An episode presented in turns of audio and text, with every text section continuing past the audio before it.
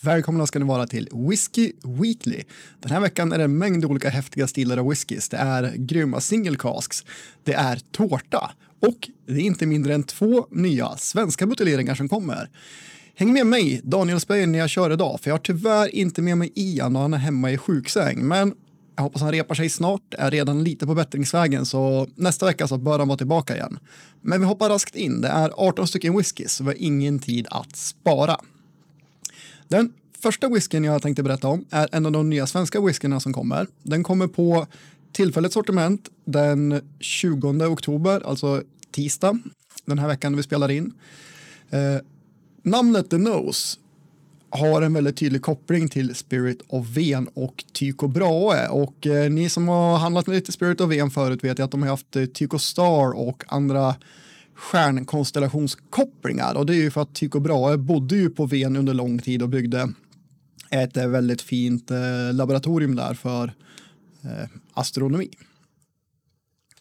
Men inte bara det, The Nose är också någonting som man i whiskyvärlden känner till som Richard Patterson som kanske är den mest kända The Nose. Men det är inte han vi pratar om här utan det är ju Spirit of Vens egna Master Blender som också då har en fantastisk näsa. Jag har inte provat whiskyn, men de som har gjort det är Samuel på Samuel Whisky. Och han är en väldigt duktig person i whiskyvärlden, bland annat bra provningsledare och en jädrigt trevlig kille. Så jag tänkte ta lite av hans notes här som han har skrivit om whiskyn för att beskriva lite grann vad det är. Eh, till att börja med, receptet för whiskyn är 21 olika fat, så det är en stor brokig blandning fat på det här. Eh, varav 14 är franska ekfat som har alla innehåller bordeauxvin av olika sorter. Sen är det sju amerikanska ekfat där några är färska och några har man haft Spirit of Vens vodka i. Så ja, det är ju spännande bara där. Men i alla fall, den är 8 till 12 år. Alltså komponenterna, de yngsta är 8, de äldsta är 12. 44,9 procent och kommer kosta 545 kronor för Eh, en halv liters flaska. Och för er som tittar ska jag visa en liten bild på hur den ser ut. En bild jag lånat från Samuel får ni se hans webbadress där också. Eh, det är häftiga flaskor de har där med vaxöversmältningen. Tycker jag i alla fall. Jag vet vissa som inte gillar dem, jag vet inte varför, men så är det. Eh, tillbaka till smaken lite fort då. Jo, eh, han skriver att den är väldigt unik och eh, väldigt varierande. Han hittar enbär, eh, enbärsbuskar eller tallbark. Medium touch of tar, alltså asfalt och köra med lite, lite torv och torkat gräs. Och ni hör det väldigt mycket här. Och sen efter det så är det också skog, det är höst. Det är en liten industriell känsla. Och sen under det, när han letar, då hittar han fruktighet och fin vanilj och russin och eh, dadlar och annat. Och så här mycket som man säger här, det är minst lika mycket i smaken. Och av alla som har provat den, vad jag förstått, så är det en väldigt fin, komplex, bra svensk whisky. Så att eh, den här kan nog komma att gå åt tror jag. Jag vet inte exakt hur många flaskor de säljer. Men eh, den kommer på tillfälligt sortiment. Så det är bara in och beställa den eller köpa den på ett bolag nära dig när den kommer. Eh, nog om det. Nu går vi över till Ayla. Två rökare från Coopers Choice. Och eh, det börjar bli en ganska välbekant serie. Det har funnits i Sverige i många år den här oberoende buteljerare. Den här gången så är det bland annat en Bonahaven. Den är faktiskt inte åldersangiven, men det ska vara en eh, single cask som vanligt när det är, är att göra med Cooper Choice-serier. Eh, det är en av 318 flaskor, ja, 58 procent är alkoholen och det kommer 246 flaskor till Sverige. Den här är också tillfälligt sortiment den 20. Eh, jag har provat den här eh, och eh, har den faktiskt i ett av glasen här. Jag tycker den här är en lite brokig whisky och det kan ju bero på att den säkert är lite yngre än deras namngivna utgåvor förstås. Därmed är den absolut inte dålig. Men för mig så behövde jag ha i lite vatten för att få ihop den här whiskyn. Den, den spretade lite innan jag faktiskt vattnade ner den lite. Jag brukar verkligen gilla whisky som är på fatstyrka. Men i alla fall då, Röken, jag tycker den är ganska tydligt medicinal. Eh, den heter Alltså, nu ska jag säga exakt vad den heter. Den heter nog Bunnahaven Citrus Smoke White Port Finish. Och ja, det finns faktiskt ganska tydlig citruszest i, i röken här också, eller bakom röken. Det är även lite, en lite så här maltkropp, lite, lite fuktigt gräs också, eller fuktigt hö. Och jag hade svårt att plocka fram eh, några, många detaljer i sötman innan jag vattnade ner den. Jag tyckte den var lite spretig där också, men nu när jag vattnar den till just vad det här är för procent vet jag inte, men då är det björnbär och hallon tycker jag som sticker upp i fruktigheten och eh, sötman har blivit mer tydlig och också vaniljen har kommit fram mer. Smaken då? Jo, jag, jag smakar lite igen för att veta exakt.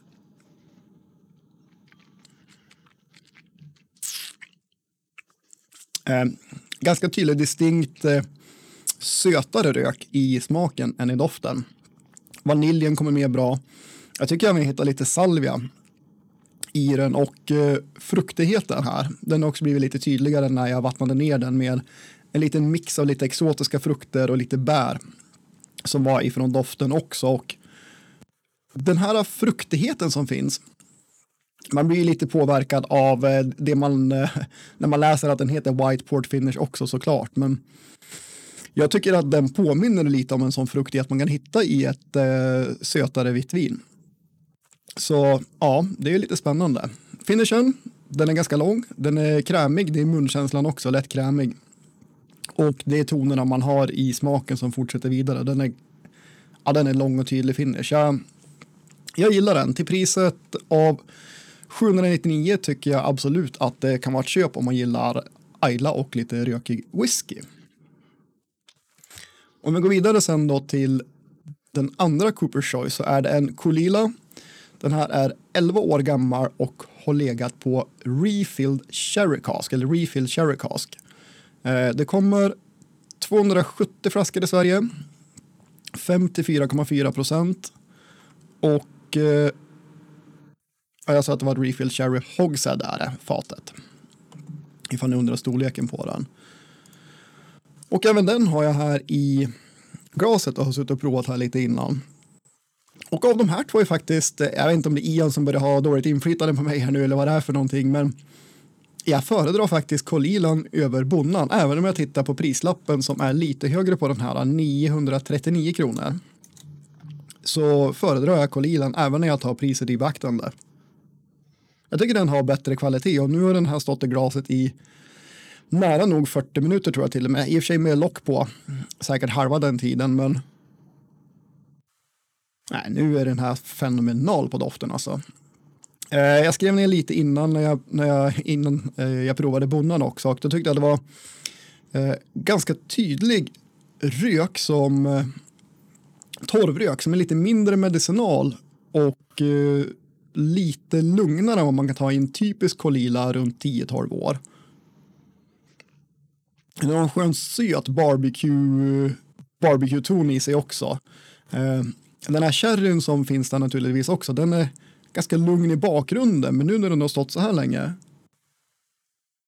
ja, då har den kommit fram lite mer sötma i den faktiskt. När jag doftade på den efter ungefär 15-20 minuter i glaset, då var den så lite lagom mycket söt torr sherry utan att bli sliskig alltså. Och en lite så här rostad, fet, nötig känsla. Den är absolut kvar allt det andra, men, men sherryn har blivit lite sötare och kommer fram mer här nu efter så här pass lång luftning.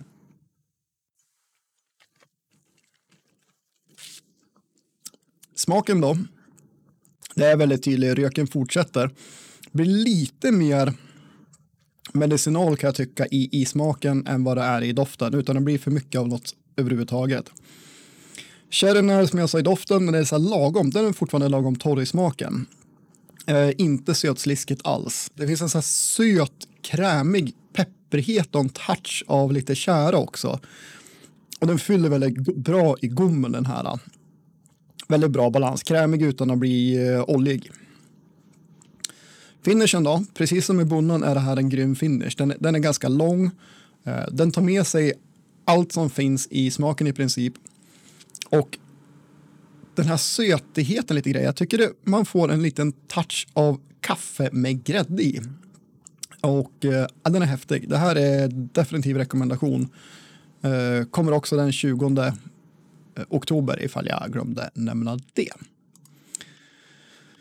Så det var snabbt tre whiskys. Uh, eh, The Nose har inte provat själv, men av det jag vet av Spirit of Ven så och tillsammans med Samuels notes på den så skulle jag väldigt gärna köpa en flaska av den faktiskt. Detsamma går för bägge Coopers Choice eh, whiskyn där jag själv då föredrar Kolilan framför Bonnan. Men det är väldigt eh, två separata typer av, eh, av whiskys här så mm, det är nog andra som skulle ratea dem precis tvärtom mot vad jag gjorde nu. Går vi vidare från dem så har vi två flaskor till som kommer på eh, tillfälligt sortiment samma dag, 20 oktober. Den ena är en japansk whisky som heter Hibiki Harmony. Den här har funnits på bolaget förut. Nu är den naturligtvis lite nyare, lite annan stil kan det vara. Men oftast är Hibiki Harmony, det är deras insteg på Hibiki whiskyn. Och det är då en japansk blended malt. Det är alltså bara singelmalt. Nej, nu sa jag faktiskt fel. Det är en japansk eh, malt. Eh, den heter nog det, ska vi se, jag ska inte hitta på, för det är faktiskt grain whisky den här också. Så det är inte alls en, eh, en single malt eller blended malt, utan en japansk blend är det. Eh, kan få se hur den ser ut. Flaskan är väldigt karaktäristisk och eh, blev väldigt känd efter filmen Lost in translation med Bill Murray bland annat, där han dricker just Hibiki whisky, men som har en age statement. Hur gammal den är kommer jag inte ihåg, men han älskar den whiskyn i filmen och eh, då vart det känt bland de stora massorna att Hibiki, det ska vi dricka, om vi ska dricka japanskt. Och eh, därför tog mycket av deras age statements slut och Hibiki Harmony är ett, en av ersättarna. Klassisk japansk, eh, enkel, finstämd, elegant, inte dålig alls, men som sagt gillar man Isla whisky gillar man inte den här. Vill man ha en fin, finstämd whisky som ändå erbjuder ett visst djup men även bär med sig saker i finishen som man kanske inte tänker sig att enklare whiskys gör. Då, eh, i alla fall de hibikis jag har provat, brukar leverera på den fronten. 689 kommer det kosta 43 procent och flaskan är 70 centiliter. Eh, sen förutom den så har vi den här tårtan jag pratade om. Och vad har tårta och whisky gemensamt med varandra? Ja, jag vet inte riktigt. Det kan ju vara sött i alla fall. Det finns ju gemensamt. Men det är Glenn Morangy som har lanserat nu A Tale of Cake. Och eh, den whiskyn eh, påminner ganska mycket av det jag förstått som Glenn Morangy brukar vara. Alltså den är eh, fruktig och lättsam. Men en, en trevlig skotte. Vidare ska den vara just det, det som är lite fränt med den, det ska jag inte glömma att nämna. Eh, det kanske går att se på bilden här, ni som tittar, men jag tror inte det. Eh, den är alltså lagrad på Tokaji-fat och Tokaji är då ett dessertvin som man gör i Ungern. Så det är väldigt tydlig sötma i det vinet och eh, enligt Glenmorangie Moranger då och deras Eh, Dr. Bill Lumsen och hans ersättare ska det ta fram de här tonerna som man förknippar dem mer med tårta än den kanske mer honungsfyllda tonen man brukar ha i Glenmorangie. Eh, men ingen fruktbomb, men det har lite ja, banan, ek, karamell, lite lakrits i smaken. Överlag ska man känna igen att det är en Glenmorangie, men den har en annan stil av sötma och eh, frukt. Kort nämnt om den. Den kommer kosta så mycket som 859 kronor och är buteljerad på 46 procent. Sen då, då har vi en bunt som kommer på beställningssortiment också och jag har väl tittat ut några stycken som jag tänkte nämna där i alla fall utan att försöka bli för långdragen. Den första är naturligtvis den andra svenska whiskyn. Det är Bergslagen Distillery som kommer med en ny whisky som heter Virgin Oak. Och den är, består av två olika komponenter. Den ena komponenten som är sex år gammal, det är färsk svensk ek och den andra delen som är åtta år gammal är fransk ek. Eh, den faten, de svenska faten, de tappade de redan 2018 för då tyckte de att de faten var klara men de visste inte riktigt vilken utgåva de skulle ha dem i. Så då la man dem på storetank som man kan göra om man vill förvara whiskyn utan att den åldras vidare och påverkas av någonting. Och så i år, 2020, så provar de de här franska ekfaten, också färsk fransk ek. Eh, och då är de åtta år gamla och när de blandar de här två tillsammans då känner de att jädrar, ja, det här var bra saker. Så nu kommer det den idag, den 19 oktober, då vi spelar in faktiskt, släppte de dem. Vad jag har sett så ska det fortfarande gå att beställa. Och det ska finnas fler omgångar säger de, så jag tror inte de har släppt alla flaskorna på en gång. De släppte 600 flaskor idag för 595 kronor styck för en halvliters flaska. Men med betoningen de hade på att det är första omgången och att det ser ut som det fortfarande går att beställa på Systembolaget så är ni nog inte för sent ute om ni klickar hem en i morgon tisdag eller möjligen onsdag. Sen kommer det rätt mycket ifrån Duncan Taylor. Uh, Duncan Taylor är ju uh, är också en oberoende buteljerare i Skottland. De har också hållit på ganska länge.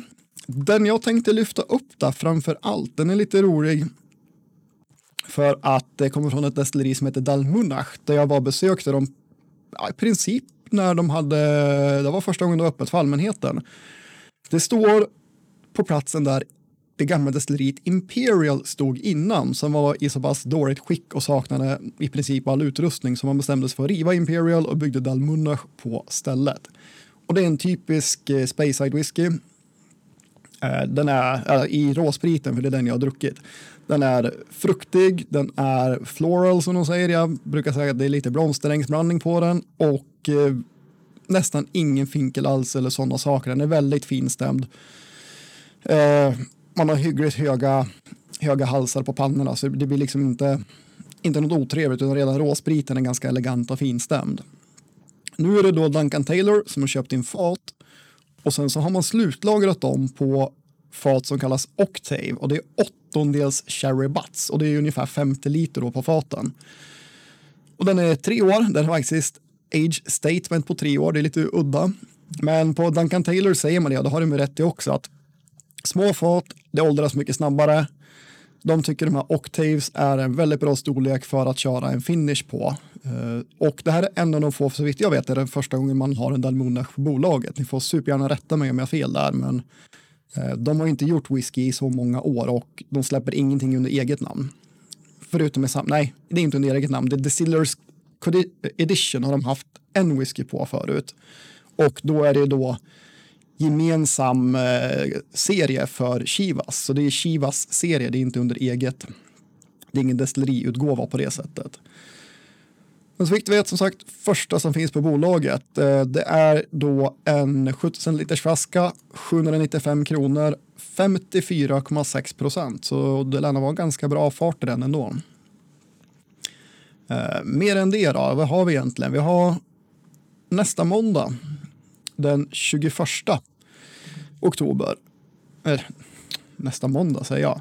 Det är nu på onsdag släpps, det, släpps den japanaren Kurayoshi Pure Malt Whiskey 18 years. Eh, jag har själv inte provat den. Många säger att Kurayoshi är väldigt, väldigt bra, speciellt deras age statements. Eh, den här ska innehålla en blandning av japansk och eh, skotsk singelmalt. Men det är i alla fall bara malt i den whiskyn. Eh, men den kommer på onsdag den 21. Nästa måndag den 26, då kommer det en ny whisky från The English Whiskey Company.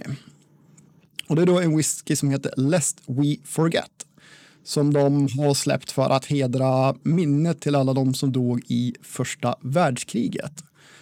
Den är på 43 procent, 70 centiliter, kommer att gå på 784 kronor. Så som ni hör, det är en väldig bredd på whiskyn den här veckan. In och kolla vad som kommer mer. Som sagt, Duncan Taylor har mycket. Eh, bland annat en Ben Riach som kan vara väldigt spännande. Det kommer mer japansk whisky och eh, ja, in och kolla. Det finns mycket spännande. Men nu när det bara är jag så jag har ju sprungit igenom whiskyn här. Jag vet inte riktigt hur fort det gick egentligen, men hoppas att det ändå var, eh, var, bra takt ändå så att ni hängde med så jag inte springer för fort där. Men jag tänkte ta upp lite roliga whiskynyheter som eh, har kommit upp här under veckan. Eh, det första är att man spår att whiskybranschen faktiskt kommer växa rätt stabilt nu. Man har haft en bra, eller bra ska man inte säga, men man har sett en bra eh, bounce back nu. Man har man kommit tillbaka lite grann till nivåerna, inte som man var innan corona, men definitivt så är det en tydlig trend åt rätt håll. Men med det sagt vet vi inte vad som händer här just nu och idag. Men blickar vi bortanför det, 2021 till 2025, så tror man att det kommer att växa med ungefär 20-30 procent totalt över den perioden. Och kollar man på whiskybranschen 2015 så var den värd 68 miljarder dollar ungefär. 2025 tror man nu att den kommer att vara värd 104 miljarder dollar. Det är alltså ungefär en 60-70 procent ökning på 10 år i värde på marknaden. Och det ska vara inflationsberäknat också. Och det är framförallt inom premiumsegmentet som, som de ser en eh, tydligast tillväxt i procent sett. Jag har inte sett exakta siffrorna på premium och säg billigare blender, men premium är det som växer snabbast och eh, det kan vara bra för oss som konsumenter för det kommer att komma ut mer premiumprodukter. Men det finns ju också en begränsad tillgång på whisky som är premium. Så vi får se om priserna kanske inte tyvärr kommer fortsätta uppåt lite till ändå. Och eh, ja, frågan är var brytgränsen går från det att man börjar tappa försäljning egentligen. Mer då? Jo, Kyrö, finsk destilleri som har gjort väldigt bra gin har även släppt en riktig rågwhisky, för det är det de gör. Finland, där de har råg, det är eh, den, eh, det sädeslaget man vill göra whisky på. Och de har släppt en väldigt begränsad upplaga på sex flaskor. Och varför bara sex flaskor? Det vet jag inte, men det är ett samarbete med de som vårdar eh, Mumin, Tove Janssons Mumintroll. Och den här utgåvan är för att eh, rädda Östersjön eller bevara Östersjön. Så man säljer de här flaskorna på auktion via Danmark och den första auktionen har precis avslutats. De gick för ungefär 17 500 svenska kronor så det är rätt skapligt för ett destilleri som eh, kanske inte så många har provat någon whisky från överhuvudtaget egentligen. Så det är nog både nyfikenhet, exklusivitet och eh, faktiskt välgörenheten som gör att de här går upp så pass mycket. Jag provade deras whisky som nästan var klar. Jag tyckte den var ganska häftig och eh, coolt med en bra rågwhisky från Finland. 17 500 bra för två flaskor? Absolut inte, men välgörenhet, exklusivitet, det är klart. Det är värt att lägga pengar på det. Den sista saken, det är aktion. När det är aktion och det vankas rekord, då är det McKellan vi pratar om såklart. De har släppt någonting som heter The Red Collection och det är en rätt makalös serie där den yngsta whiskyn är 40 år och sen så går man 50 år, 60 år, 71 år, 74 år och 78 år gammal Macallan. Det är ju alltså helt enormt gammal whisky och vem vet vad en sån smakar efter så många år på fat. Men ja, man tror i alla fall att den här serien kommer inbringa någonstans mellan 300 och 800 000 pund. Mest troligt är det övre spannet skulle jag tro, för det här är ju synnerligen exklusivt och ja, de har inte sagt hur många de släpper av dem, men räknar man att det inte är många flaskor av en 78-årig whisky, eller 71 eller 74 år för den delen heller. Så det händer på, på auktionssfären just nu, det hetaste objektet. Eh, det är väl ungefär där jag tänkte att vi avrundar veckans avsnitt egentligen. Hoppas ni har det bra där ute och eh, till Ian säger jag krya på er och om det är andra där ute som också ligger i sjuksäng vårda, väl, vårda er väl och eh, njut en whisky så snart eh, ni, ni kan tycker jag. Och trevlig whiskyvecka till alla där ute. Tack og hei